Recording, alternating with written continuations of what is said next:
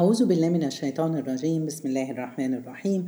والصلاة والسلام على سيد المرسلين سيدنا محمد وعلى آله وصحبه وسلم أجمعين. يوم جديد في رمضان مع قصة جديدة من قصص جدتي إحنا في أحلى أيام ربنا. ربنا قال لنا أياما معدودات. فعلا هي معدودة. بتخلص وبتخلص خلاص. سبحان الله كنا لسه في بداية الشهر. دلوقتي خلاص. هنربنا نودع الشهر. اللهم تقبل منا صيامنا وقيامنا ودعائنا يا رب واجبلغنا ليلة القدر يا رب العالمين. طيب آه سبحان الله لعلها آخر فرصة ليكي وليا. عاوزين ننشغل بيها وما نغفلش عنها. نغتنم كل لحظة في الأيام اللي فاضلة من رمضان عشان نعتق من النار وعشان ربنا سبحانه وتعالى يعفو عنا. اللهم إنك عفو كريم تحب العفو فاعف عنا يا رب. يلا نصلي على الرسول عليه الصلاة والسلام. اللهم صل وسلم وبارك على سيدنا محمد. في يوم سألتني جدتي وأنا كمان بسأل كل واحد وواحدة فينا هل عمرك جربت تتعامل مع ربنا سبحانه وتعالى وتتوكل على الله وربنا خذلك؟ هل في حد فينا قبل كده دعا ربنا وما حسش باستجابة ربنا ليه؟ هل الله وعدك بحاجة قبل كده وأخلف وعده لا والله. ربنا سبحانه وتعالى بيقول ومن أوفى بعهده من الله.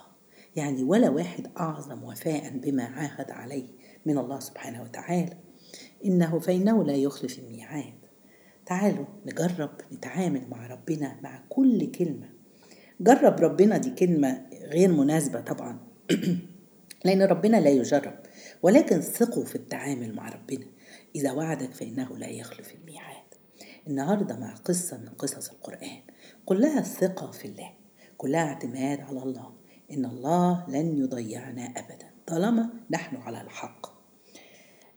حتى لو الدنيا كلها ضدي. حتى لو الظروف كلها بتقول مش هنصر. مش مش هقدر. لكن أنا قوي بربنا سبحانه وتعالى. قصة حدثت قبل بعثة النبي صلى الله عليه وسلم. بس سبب نزول هذه القصة إن سيدنا خباب ابن الأرث أرط وكان عند عبد عند أحد النساء الكافرات لما أسلم مع النبي جابوه وقلعوه لبسه من فوق ونيموه على الجمر. فحم المولع. من كتر ما هو ما هو سخن على ظهره أغمي عليه أغشي عليه. فلما أفاق وجد أن الجمر اتطفأ بسبب شحم ظهر سيدنا خباب.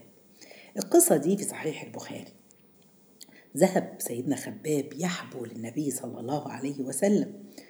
آه سبحان الله. وراح للرسول لقى الرسول جالس عند الكعبة. فكان النبي يعني ساند جلس الرسول فهو الخباب بيقول للرسول عليه الصلاة والسلام يا رسول الله أفلا تدعو لنا؟ أفلا تستنصر لنا؟ خلاص تعبنا. فكان النبي زي ما بقول لكم ساند جلس وقال كان في من كان قبلكم. سبحان الله. كان الرجل في من قبلكم يحفر له في الأرض فيجعل فيه فيجعل فيه فيجعل فيه فيجاء بالمنشار فيوضع على رأسه فيش فيشق باثنين. سبحان الله يجيبوا المنشار ويشقوه وما يصده ذلك عن دين ويمشط بإمشاط الحديد ما دون لحمه من عظم أو عصب وما يصده ذلك عن دين. والله. لا يتمن هذا الأمر حتى يسير الركب من صنعاء إلى حضرموت. لا يخاف إلا الله أو الذئب على غنمه إنه ولكنكم تستعجلون. الرسول بشر بشر سيدنا خباب بأنه اصبروا والنصر إن شاء الله هيكون للإسلام والناس اللي على الحق. سبحان الله. رب الرسول بيطمن الصحابة. إن الإسلام هيجي يوم وهيكون عزيز مش ذليل. مين مين قصة الرجل اللي اتنشر بالمناشير؟ هنبتدي قصة النهاردة قصة أصحاب الأخدود. في سورة البروج آه سبحان الله ربنا حكى لنا قصة أصحاب قصة اتعلمناها كلنا في المدرسة بس فيها تفاصيل كتيرة والنبي حكاها لنا. حديث في الفترة حصلت إن الرسول بيحكي إن حصلت في فترة ما بين رفع سيدنا عيسى إلى السماء وبعثة النبي صلى الله عليه وسلم. في هذه الفترة انتشرت عبادة البشر للملوك وعبادة الشمس وعبادة القمر. كان هناك ملك بيعيش في اليمن. كان ظالم أكل حقوق الناس وعلشان يقدر يغطي على إن هو الظلم اللي بيعمله وسلبه لحقوق الناس كان ابتدى يقول للناس إن هو الإله وعاوز الناس تعبد عشان يعمل اللي هو عاوزه. والناس قبلت بذلك لأنهم خايفين من ظلمه خايفين ونسيوا ربنا ونسيوا لا إله إلا الله. كل الناس نسيوا رب الله وعبدوا هذا الملك إلا واحد رجل واحد كان راهب كبير في السن. هو الوحيد اللي كان عارف إن الملك كذاب ومخادع.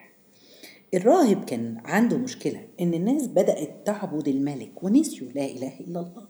والناس اتخذت منهم حقوقهم وبقوا ضعاف. بدأ الراهب بالراحة كده يتكلم مع الناس بدأ بعض الناس تتكلم عن العدل والحق الحرية والدين وربنا. سمع الملك راح أخذ واحد من هؤلاء الناس اللي بيتكلموا وأخذ يؤذيه حتى يعرف هو جاب الكلام ده منين وخلاه يقول له إنه سمعه من الراهب. فالراهب هرب. سبحان الله الراهب رجل دين يؤمن بالله لكن ما عندوش لا معجزة ولا حاجة. آه، يعني سبحان الله هرب. الملك نفسه ما عندوش قدرة معجزات ولا حاجة. لما ابتدى يسمع الكلام دوت فحب يجيب ساحر علشان يعمل سحر ويقنع الناس إن هو الملك ده هو الإله. فجاء بسحر علشان يقنع الناس بمعجزات الملك ويوهم الناس.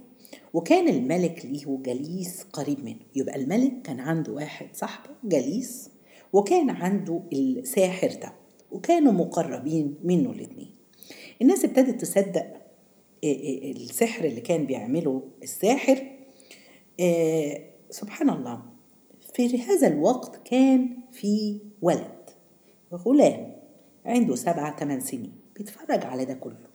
اسمه إيه؟ ما نعرفش. النبي صلى الله عليه وسلم في الحديث الطويل اللي هيشرح لنا وحكى لنا قصة أصحاب الأخدود سماها الغلام وإحنا كمان هنسميه الغلام. بدأ الساحر يكبر في مملكة الملك وأصبح قريب جدا من الملك. الراهب هرب واستخبى في صومعة أو في كوخ مكان وبقى حاله حال هذه المدينة كده يقال لمدة سبع سنوات. الغلام دلوقتي عنده تقريبا 15 سنة.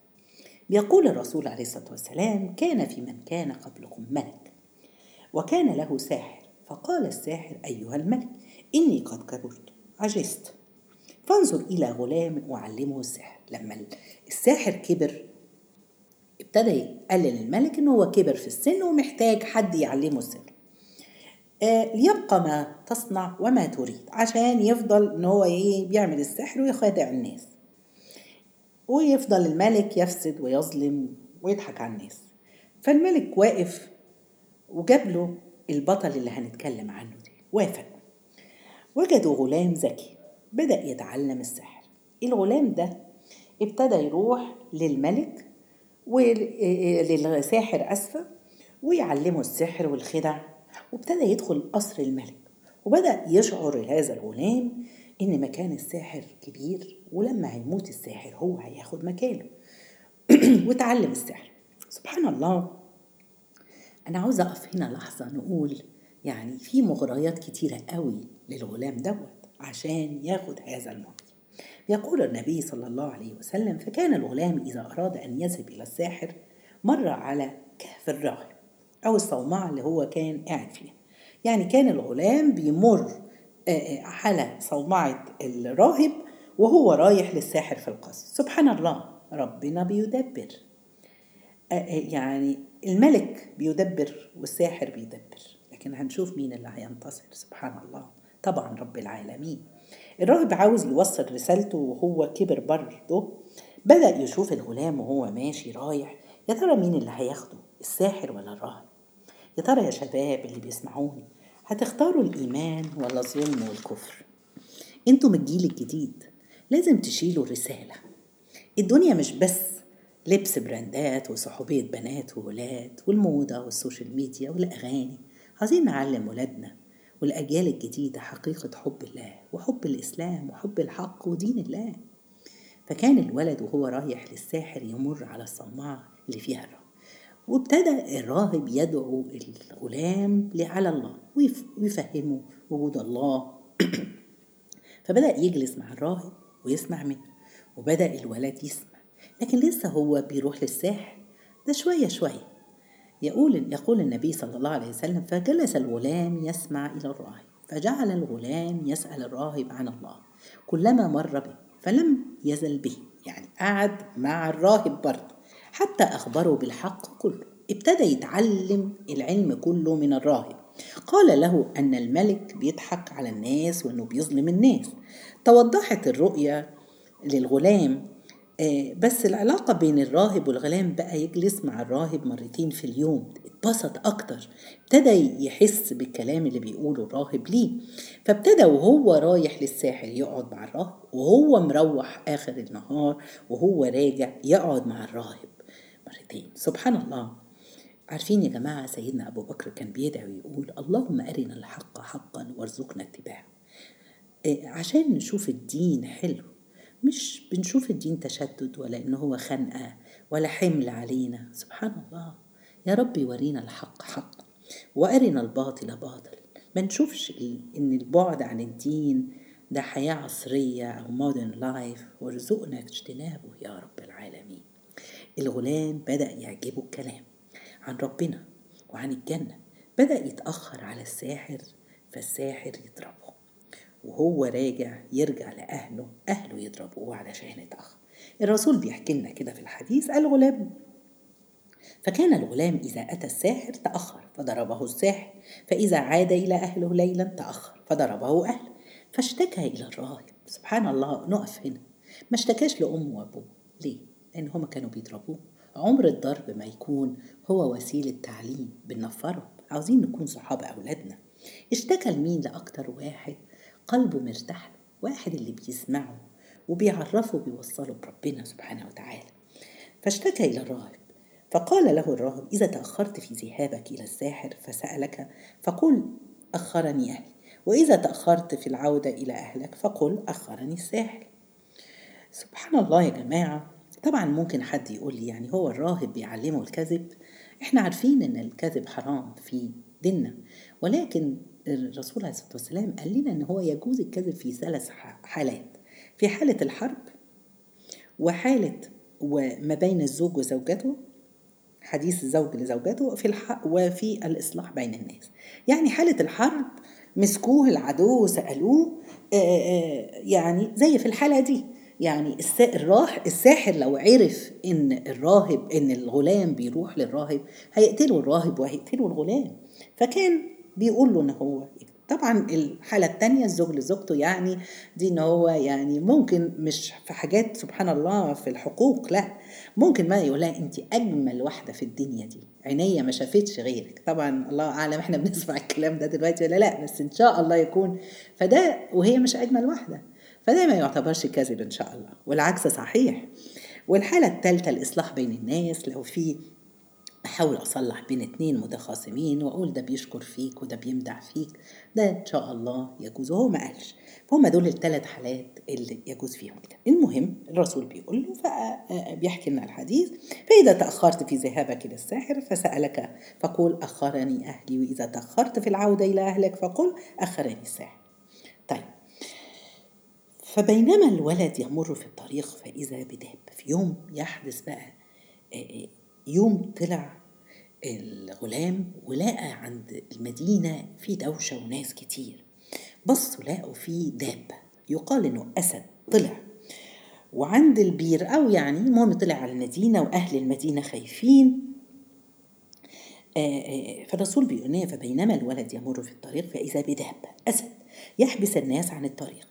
فقال الولد اليوم أعلم أيهم أحب إلى الله الساحر أم الراهب سبحان الله فأخذ حجر وقال اليوم أعلم أيهم أحب إلى الله. و وبص للحجر وقال اللهم إن كان أمر الراهب أحب إليك من أمر الساحر. فاقتل هذه الدابة بهذا الحجر. لو بصينا وفكرنا صعب إن أسد يموت بطوبة أو حجر. فأخذ الحجر ودعا وألقى الحجر فوقع الحجر في فم الدابة فماتت فقال الناس ساحر عظيم ده بيهللوا بقى للغلام إن هو ساحر عظيم. أما هو فقال لا إله إلا الله. لا إله إلا الله. عايزين نعيش بلا إله إلا الله. وعاد إلى الراهب. فقص عليه ما حدث. فنظر إليه الراهب وقال أي بني أنت اليوم خير مني. ليه خير مني؟ خير مش في العلم لكن انت وصلت وهتقدر توصل للناس. لأن الراهب هارب ومستخبي لكن الغلام ما بين الناس. والناس شافوا اللي عمله النهارده فهيصدقوه أكتر. والحاجة التانية إن أنت برضو طفل غلام صغير في السن تقدر توصل للناس. ودايما الالتزام في الصغر شيء مهم وحاجة جميلة. ربنا يهدينا ويهدي أولادنا. في شبابهم. وقال له بعد كده الراهب وإنك ستبتلى فإذا ابتليت فلا تدل علي. أنت هتختبر. واختبرت ما تقولش علي. ربنا أعانك وثبتك وكان بجوارك أنت أحسن منه ربنا أعطى هذا الغلام شيء اسمه الكرامة إيه كرامة؟ بيقال بيقول العلماء شيء خارق للعادة هي مش معجزة. ربنا بيعطيها لبعض الصالحين. تثبيتا لهم إنهم على الطريق الصح. أنتم عارفين زي قصة الرجل اللي مات, مات آه، قتل مئة نفس. وربنا والعالم قال له امشي اطلع من البلد اللي انت فيها اللي بتساعدك على انك تقتل الناس. فخرج أول ما خرج مات. فربنا سبحانه وتعالى بعت الملائكة فالملائكة مش عارفة ملائكة الرحمة ولا ملائكة العذاب تاخدوه فالرسول بيحكي لنا في أو يقال إن هو آه، إن ربنا سبحانه وتعالى آه، أمر الملائكة يقيسوا المسافة فزحزح الله الأرض من تحت. دي كرامة. اللي كان عند الغلام دعاء مستجاب. إيه الكرامة اللي ربنا اداها له؟ دعاء مستجاب. كان بيستجاب الدعوة. اللهم اجعلنا جميعا مستجاب الدعوة. ندعي بالدعوة دي يا جماعة. ربنا يجعلنا من مستجاب الدعوة. الحاجة التانية ولو مسح على أي مريض فكان يبرئ الأكمة والأبرص الأعمى واللي عنده برص ويداوي الناس من سائر الأمراض. إيه اللي حصل بعد كده؟ كان صاحب الملك الجليس. فاكرين لما قلنا في الأول كان الملك عنده جليس وعنده الساحر. الجليس ده كبر في السن وعمى فطلب من الملك إنه يشفيه. بس طبعا لأنه إله. طبعا الملك ما بيشفيش. فسمع الجليس عن هذا الغلام اللي بيشفي الناس. فجمع هدايا وذهب للغلام. فقال يا غلام ما ها هنا لك أجمع إن أنت شفيتان فقال الغلام إني لا أشفي أحدا. ولكن الله يشفي. فإن أنت آمنت به دعوت لك أن يشفيك. فآمن الجليس بالله فدعا له الغلام ومسح على عينيه فرب فربنا سبحانه وتعالى شفاه.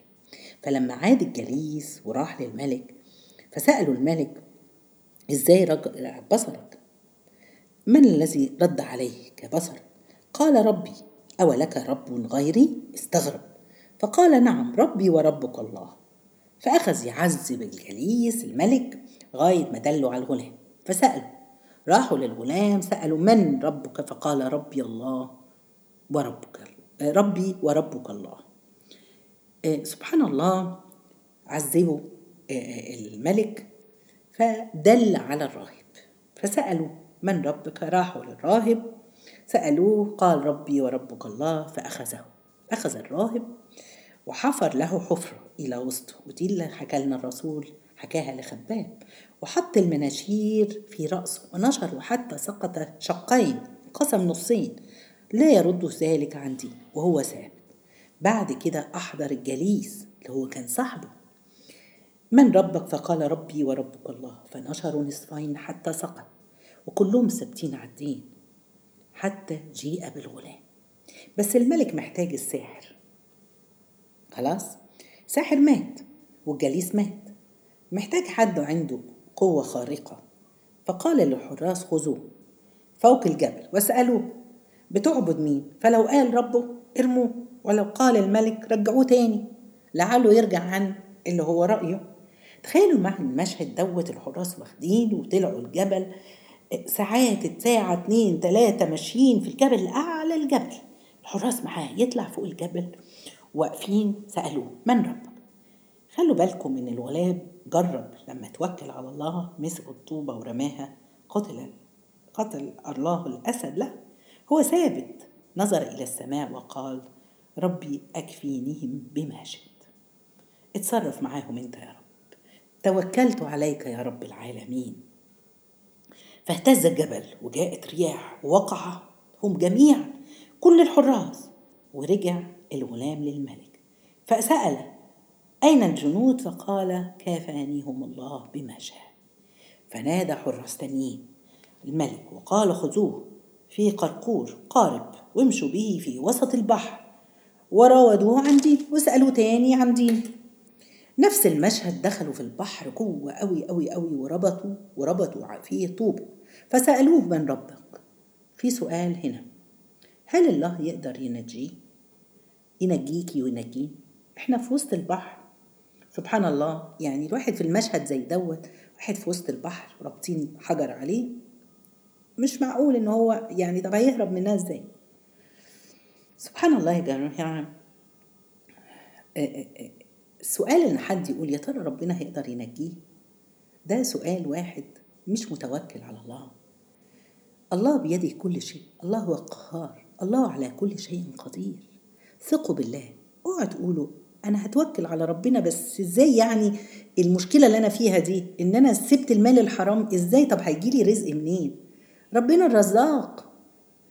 لما مثلا أبطل أغش في امتحانات هنجح إزاي؟ أنتوا خدوا بالأسباب وربنا هيدبر لك. هي ده اليقين والتوكل على الله. زي الغلام. الغلام في وسط البحر قال يا رب اكفينا بما شئت.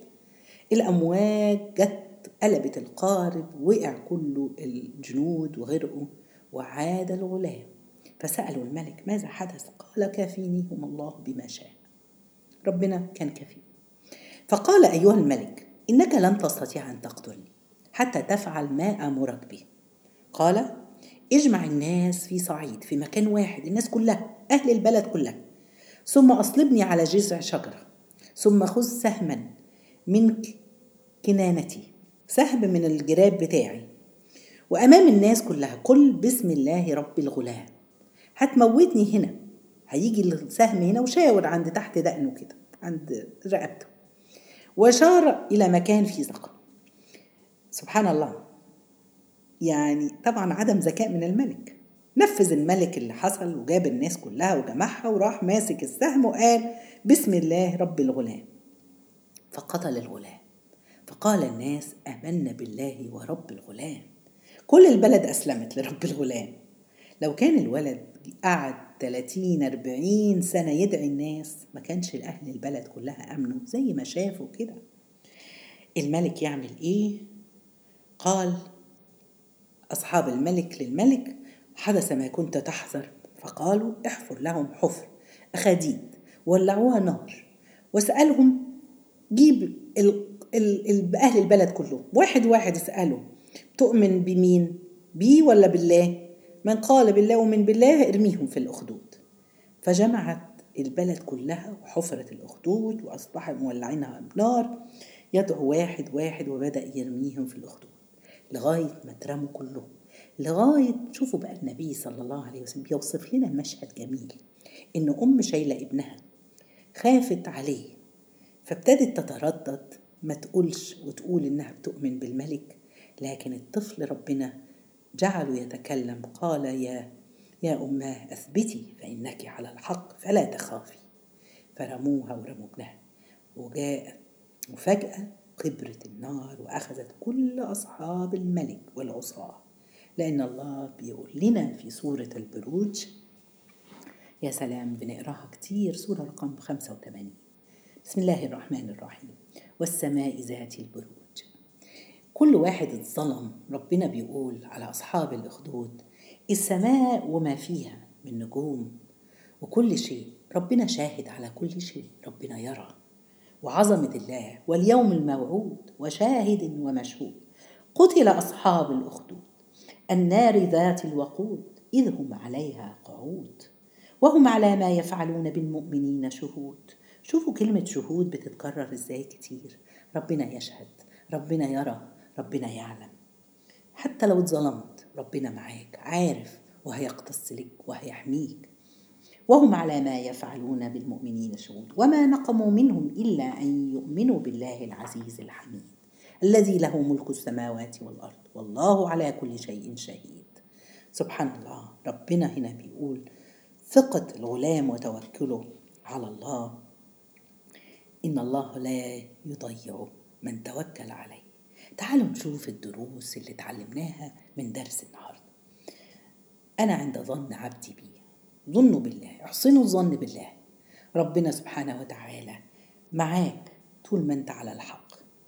كلنا بنقول في فتن تاني حاجة كلنا بنقول إن في فتن كتيرة قوي في الزمان ده وإحنا عايشين في عصر صعب وأيام الصحابة ما كانش كده لا.